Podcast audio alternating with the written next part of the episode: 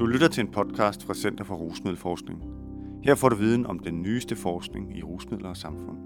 Jeg hedder Torsten Kolin og er centerets leder. Jeg ønsker dig rigtig god lytning. Syntetiske cannabinoider i Danmark.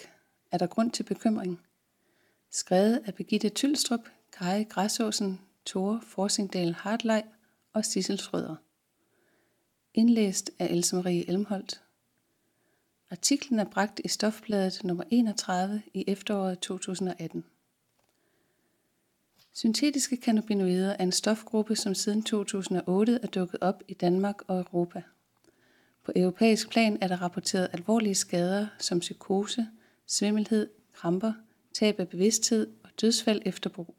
Stofgruppen monitoreres derfor i alle europæiske lande, men viden om udbredelse og skader i Danmark er begrænset. Syntetiske cannabinoider er produceret til at efterligne effekten af cannabis, men er langt mere potente end THC, det mest psykoaktive stof i hamplanten, som påvirker ens adfærd og væremåde. Disse syntetiske stoffer kan altså ikke direkte sammenlignes med cannabis, men da de ofte sælges som tørret plantemateriale, kan de ligne traditionel marijuana pot. Det tørrede plantemateriale består som regel af urter, f.eks. citronmelisse eller mynte, tilsat syntetiske cannabinoider fra pulver, som er opløst i organiske væsker, acetone eller metanol.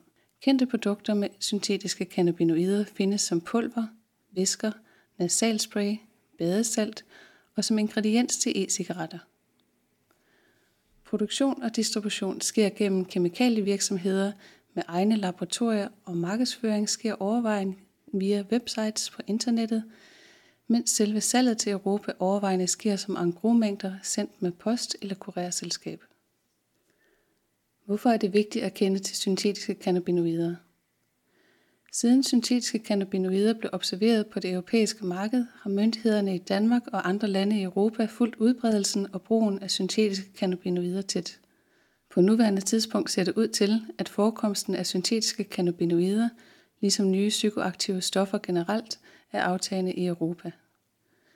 Mens der i 2014 blev indberettet i alt 101 nye psykoaktive stoffer på europæisk plan, hvoraf 30 blev kategoriseret som nye syntetiske cannabinoider, var antallet af nye indberettede psykoaktive stoffer næsten halveret i 2017 til 52, hvoraf 11 var syntetiske cannabinoider.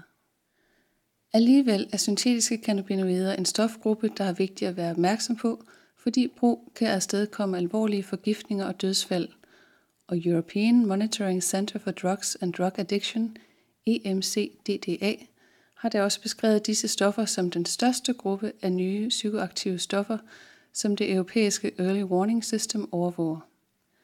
Alvorligheden understreges af, at der i andre europæiske lande er konstateret flere alvorlige hændelser i forbindelse med indtag af syntetiske cannabinoider, hvor en oversigt fra EMCDDA i 2018 blandt andet viser, at fem af de nyeste syntetiske cannabinoider, A, B, CH, MINACA, AD, B, CH, MINACA, 5F, MD, MB, PINACA, CUMYL, 4CN, BINACA og MD, MB, CHMICA har været involveret i 110 registrerede dødsfald, siden de dukkede op på det europæiske marked i april 2014.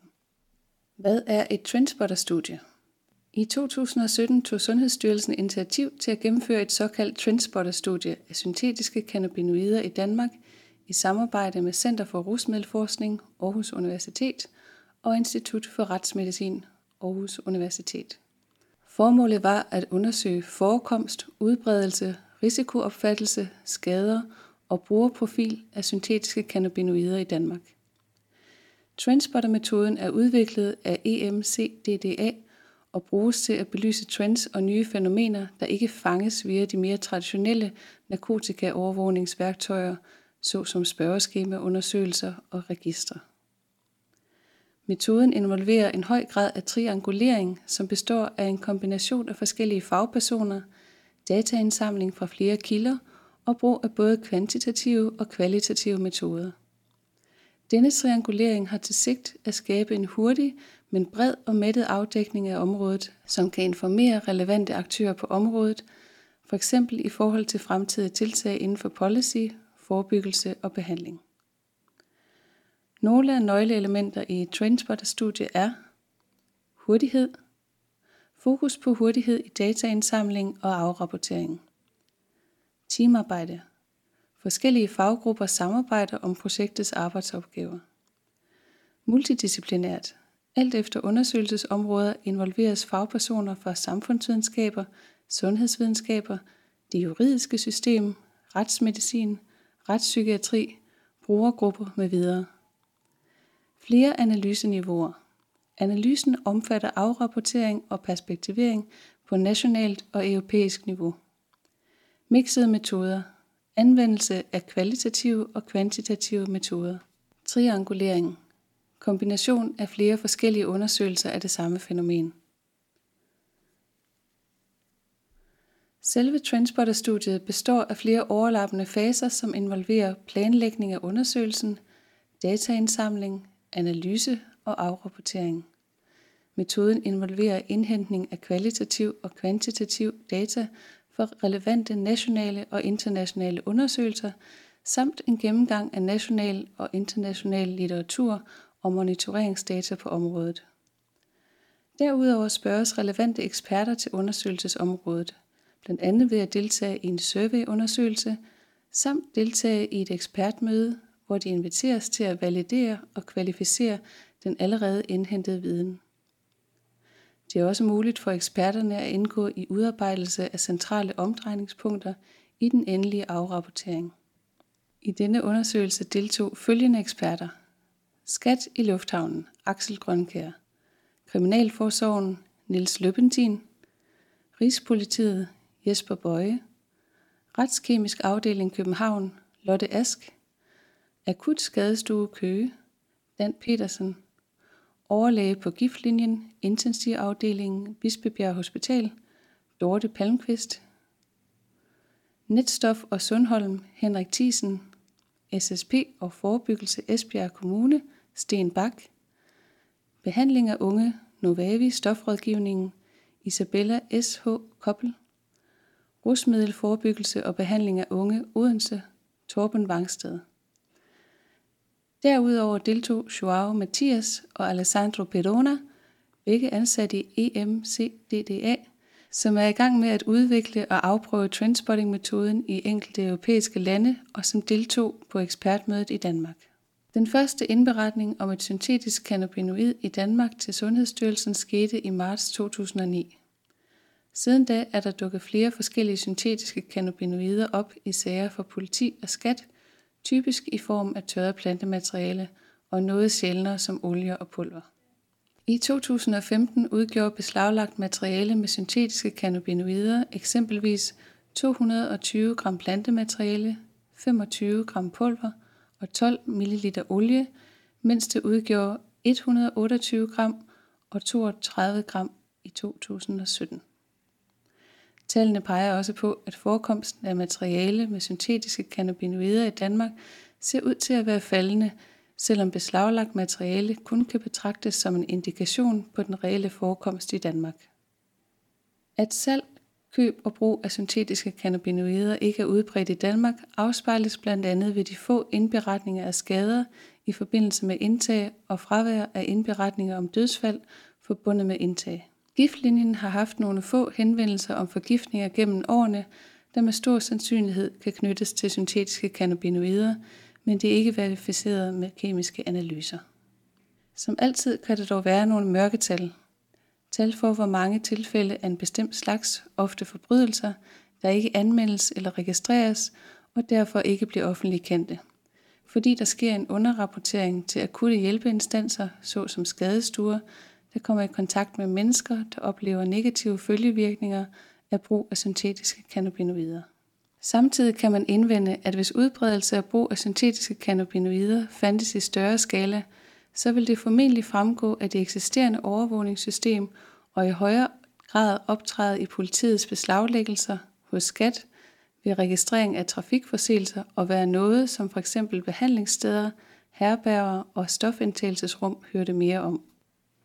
I Danmark købes syntetiske cannabinoider overvejende via internettet og ikke fra stofsælgere på gaden, hvilket muligvis skyldes, at stofgruppen har en ringe markedsværdi, fordi potentielle brugere er velinformeret om stoffernes negative effekt og risiko ved indtag. Der synes således at være et udbredt kendskab til de alvorlige risici forbundet ved brug af syntetiske cannabinoider i Danmark, hvilket stemmer overens med det udbredte kendskab til risici ved brug af nye psykoaktive stoffer generelt i Danmark. Se blandt andet brugersites som psykedelia.dk. Det er dog værd at bemærke, at internationale undersøgelser peger på en tendens til, at brug af syntetiske cannabinoider hænger nøje sammen med en højere grad af risikoadfærd generelt. For eksempel fandt en amerikansk undersøgelse fra 2018, at unge, der havde prøvet syntetiske cannabinoider, havde større sandsynlighed for at udvise risikoadfærd i forhold til stof- og alkoholforbrug, sex og skader, vold, sammenlignet med unge, der havde prøvet cannabis. Da udbredelse og brug af syntetiske cannabinoider i Danmark er lav, vil det være at skyde over målet at tale om brugergrupper med særlig risiko for skader og dødsfald. Alligevel synes der ikke overraskende at være en tendens til, at brug af syntetiske cannabinoider sker sammen med brug af andre rusmidler, og at der kan være en tendens til, at eksperimenterende unge og festbrugere prøver dem, og at nogle få stofbrugere har dem med som særligt stofvalg. Det er dog værd at bemærke, at flere andre europæiske lande peger på særlige brugergrupper og miljøer, såsom kloppers, internetbrugere og indsatte i fængsler. Særligt England oplever et problematisk brug af syntetiske cannabinoider i fængslerne, hvor det flere steder betegnes som en alvorlig risiko for både indsatte og personale, og derfor som et afgørende indsatsområde. En af grundene til, at syntetiske cannabinoider ses i fængslerne er, at stofferne er lette at skjule og derfor lette at smule ind, og at de er svære at spotte i urintest. Reaktioner som følge af syntetiske cannabinoider omfatter psykose, svimmelhed, kramper og bevidsthedstab. Da der i danske fængsler på nuværende tidspunkt ikke ses synlige ændringer i adfærd eller særlige skader hos de indsatte, som kendetegner brug af syntetiske cannabinoider, er stofgruppen formentlig ikke særlig udbredt her. Artiklens referencer og noter læses ikke op, men kan findes i artiklen i Stofbladet eller online på www.stofbladet.dk.